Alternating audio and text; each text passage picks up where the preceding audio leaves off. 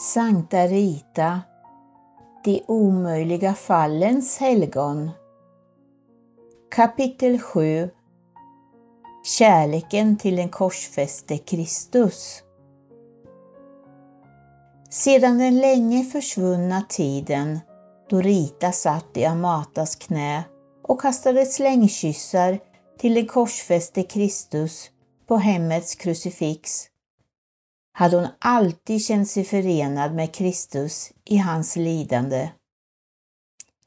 Nu när hon hade blivit nunna upptogs hennes meditationer mestadels av Kristi lidande. Under en av sina långa meditationer kretsade hennes tankar kring några välkända ord från Bibeln. Jag är vägen, sanningen och livet. Sedan dess försökte hon tillämpa orden i sin kärlek till den korsfäste Kristus. För att uppnå andlig fullkomlighet, vilket syster Rita helt inriktade sig på efter det att hon hade blivit nunna, skulle hon följa vägen. Genom att följa vägen som ledde till korset var syster Rita säker på att hon skulle finna sanningen och komma fram till det enda sanna livet. Tillsammans med jungfru Maria skulle hon hålla sig så nära korset som hon kunde i sina tankar, böner, meditationer och uppoffringar. I klostercellen hade syster Rita återskapat några av stationerna på Korsvägen, såsom Tribunalen och Golgata. Redan före korsvägsandaktens utbredning i kyrkan hade syster Rita följt Jesus på hans väg till korset på det sätt som många kristna skulle göra senare. Hon följde Jesus i hans lidande, station efter station, med allt det lidande som var och en av dem innebar. Bilderna var så starka att hon upplevde Kristi lidanden som om de vore hennes egna. Syster Rita har inte stigit upp ännu. Hon är kanske sjuk sa Nunna när de en morgon samlades till gudstjänsten.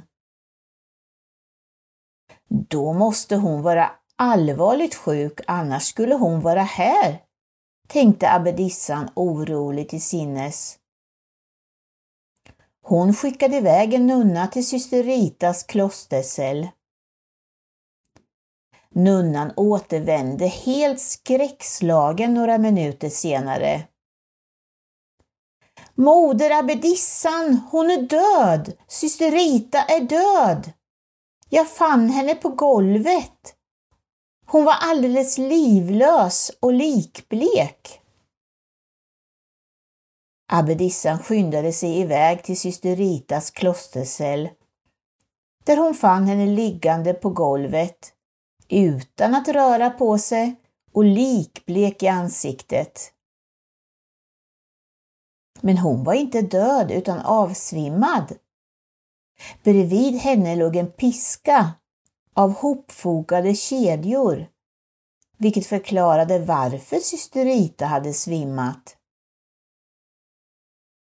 Hon hade gisslat sig så hårt och så länge att hon förlorat medvetandet. Tre gånger om dagen gisslade sig syster Rita som botgöring först och främst för de avlidna, därefter för alla syndare och slutligen för klostrets välgörare. Abbedissan la syster Rita på madrassen, väckte upp henne och beordrade henne att vara måttlig med späkningarna. Eftersom syster Rita så enträget bad om det så tog abbedissan med henne till kyrkan där de andra nunnorna hade jagat upp sig och lågmält viskade med varandra. Att syster Rita som är så tystlåten alltid ska ställa till med sånt rabalder, tänkte abbedissan, medan hon försökte lugna ner sina medsystrar. Hon önskade att syster Rita kunde vara mer som de andra nunnorna. Syster Rita var ingen vanlig nunna.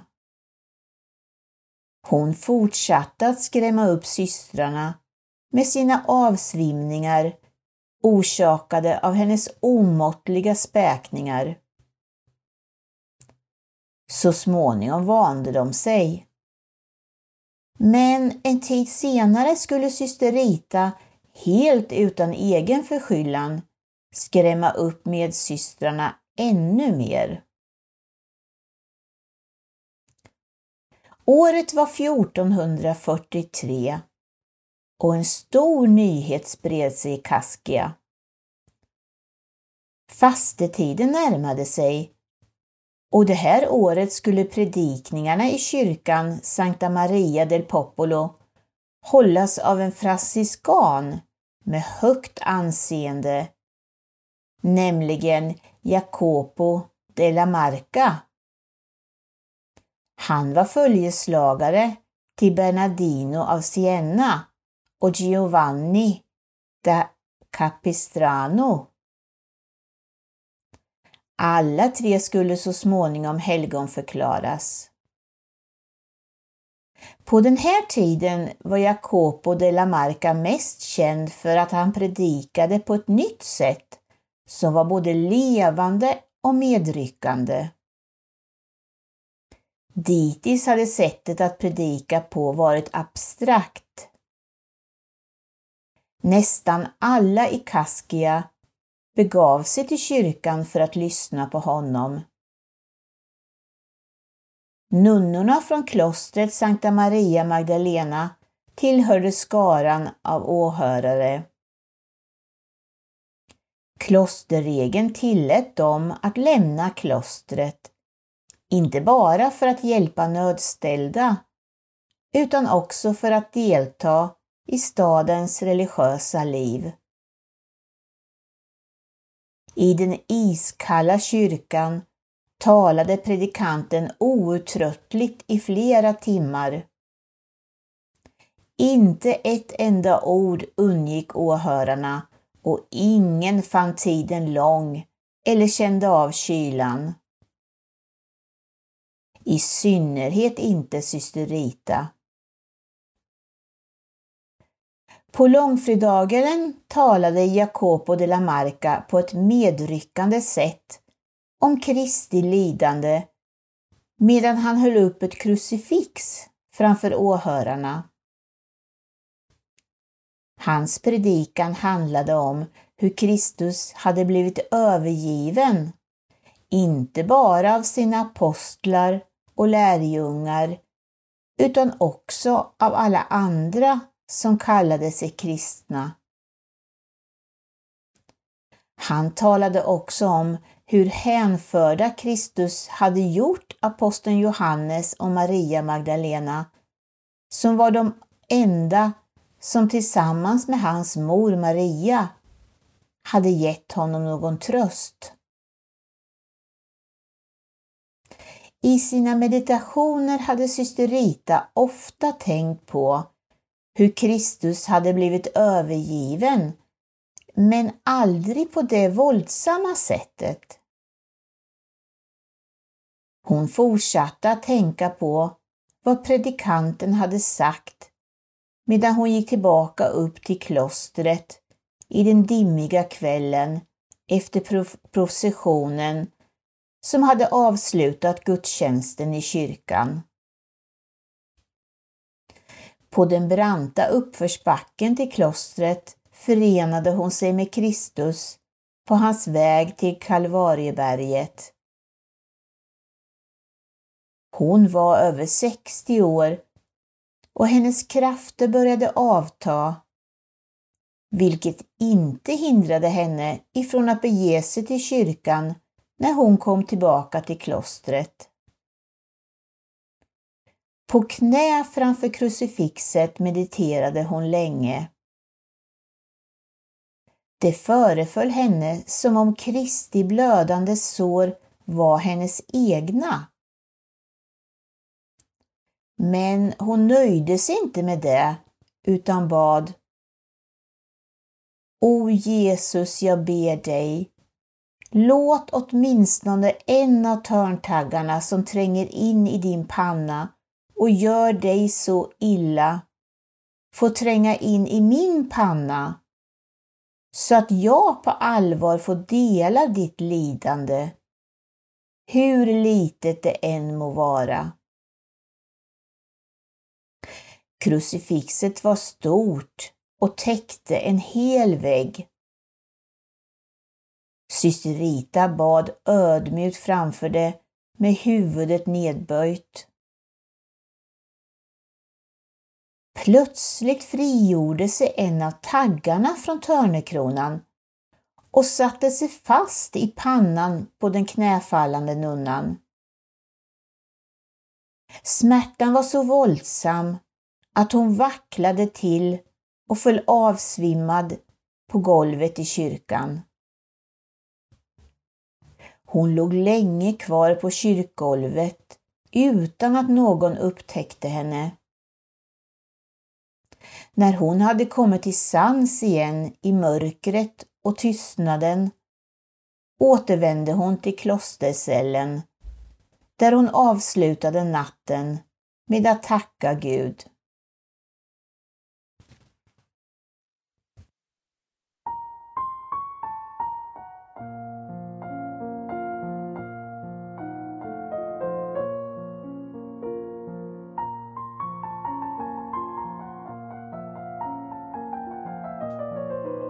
Morgonen därpå i kyrkans skumma ljus lade nunnorna inte märke till det ovanliga sår som syster Rita hade fått på pannan.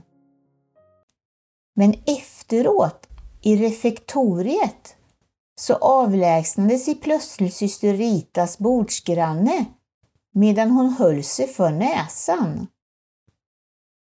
De andra nunnorna tittade nyfiket på syster Rita och vände sig bort med avsmak.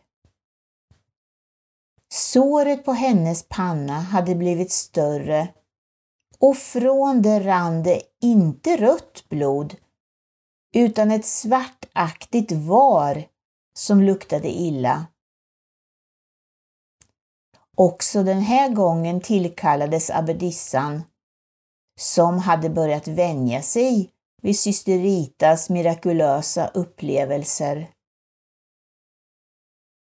Därför var hon bara smått skeptisk.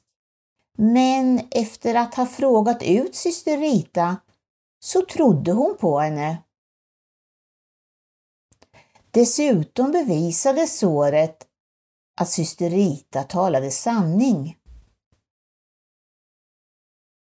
De andra nunnorna äcklades av det öppna såret som kanske var, vissa tvivlade fortfarande på att så var fallet, ett nådebevis, men som luktade illa. Utan att dölja sin avsmak höll vissa för näsan när syster Rita närmade sig medan andra avlägsnade sig som om hon vore pestsmittad.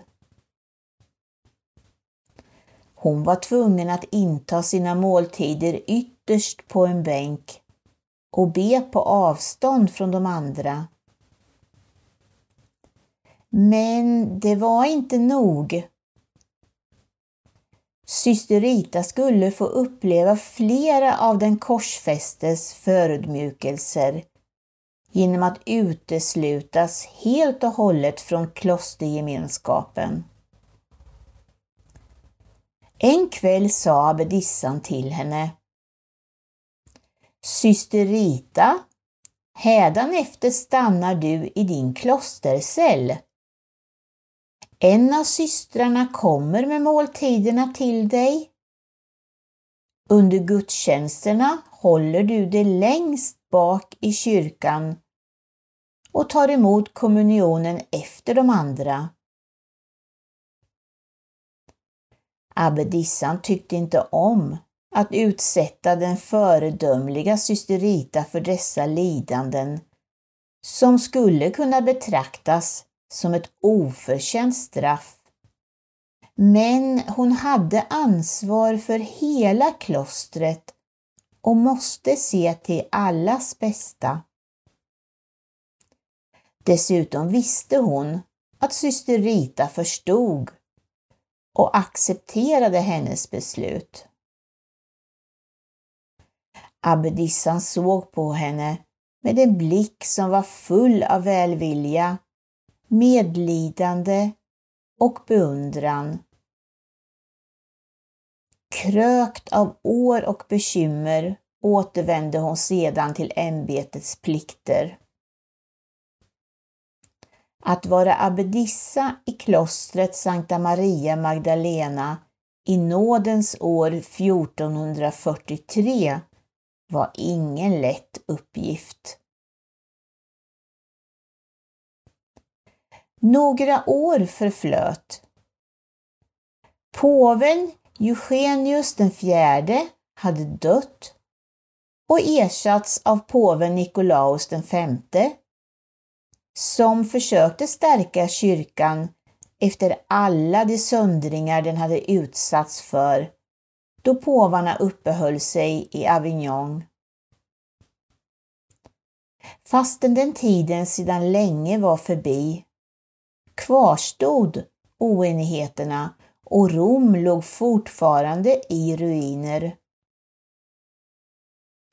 Den nye påven, som var bättre gynnad av omständigheterna än sina föregångare eftersom landet upplevde en tid av fred, ville att så många katoliker som möjligt skulle bege sig till Rom.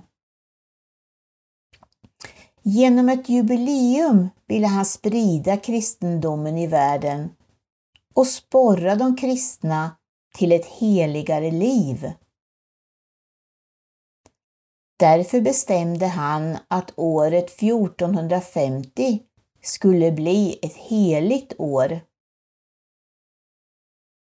Han beviljade fullständig avlat till alla pilgrimer som begav sig till Rom under förutsättning att de uppfyllde de vanliga villkoren och iakttog vissa föreskrifter som att besöka stadens sju basilikor och be vissa böner. För att ta emot pilgrimerna lät han restaurera stadens kyrkor och bad målaren Fra Angelico att smycka dem med fresker. Nyheterna spreds på den här tiden enbart av resenärer som tog sig fram till fots. Därför tog det lång tid innan påvens budskap kom fram till församlingarna. Men till slut nådde påvens budskap om det heliga året fram till Kaskia och nunnorna i klostret Sankta Maria Magdalena som tyckte att det var ett enastående tillfälle att få se påven och erhålla avlat. När jubileets krav hade uppfyllts fanns det ingenting som hindrade pilgrimerna från att skaffa sig andra erfarenheter. Det hände att nunnorna lämnade klostret för att bege sig ut i staden, men de avlägsnade sig vanligtvis aldrig från Kaskia och ännu mindre från Umbrien. Att få se andra landskap och nya ansikten.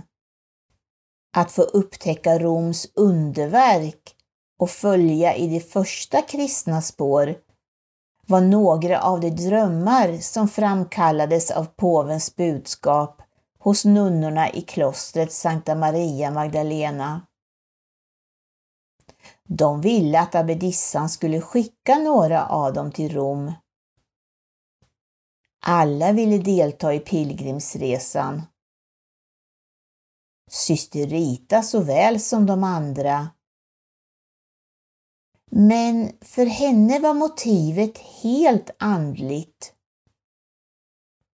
Hon betraktade pilgrimsresan enbart som ett sätt att erhålla avlat, få ta emot påvens välsignelse och vörda helgonens reliker. Ödmjukt bad syster Rita abbedissan om tillåtelse att få följa med de utvalda systrarna till Rom. Hon fick det väntade svaret. Syster Rita, jag förstår att du vill resa till Rom. Men du vet hur pinsamt det skulle vara för mig att skicka iväg en av mina systrar med ett sår som inte bara är synligt utan också luktar illa. Jag vet, moder abbedissan, men om det enda villkoret skulle vara att du tillfrisknade före resan. I så fall beviljar jag din ansökan. Syster Rita sa ingenting, men hennes blick uttryckte vad hon kände. Det var inte sannolikt att hon skulle tillfriskna dessutom inte på så kort tid. Men hon misströstade inte. Om det var Guds vilja så skulle hon bege sig till Rom. Abbedissan dröjde sig tankfullt kvar. Syster Rita hade verkat så säker på att få bege sig till Rom att det var som om hon redan visste att Gud skulle göra henne frisk. Det stämde att syster Rita i sin tillitsfulla enkelhet redan hade utverkat några underverk. Hennes böner hade gjort det omöjliga möjligt. Varför inte också den här gången? Abbedissan var inte helt överraskad då hon en morgon såg syster Rita infinna sig i kyrkan utan tillstymmelse till sår på pannan, bara några dagar före systrarnas avresa till Rom. Också den här gången hade Gud hört hennes bön. Syster Rita hade strukit på en helt vanlig salva som på några dagar hade torkat ut såret. Men det skulle visa sig igen så fort hon hade kommit tillbaka till Kaskia, vilket syster Rita hade förbundit sig till i sin andliga pakt med Gud. Ingen visste att hon bara hade bett om att bli förskonad från såret och inte från smärtan. Även om såret var osynligt kände hon av den molande verken, vilket för syster Ritas del inte spelade någon roll. Hon kunde nu bege sig till Rom och det var hon tacksam för.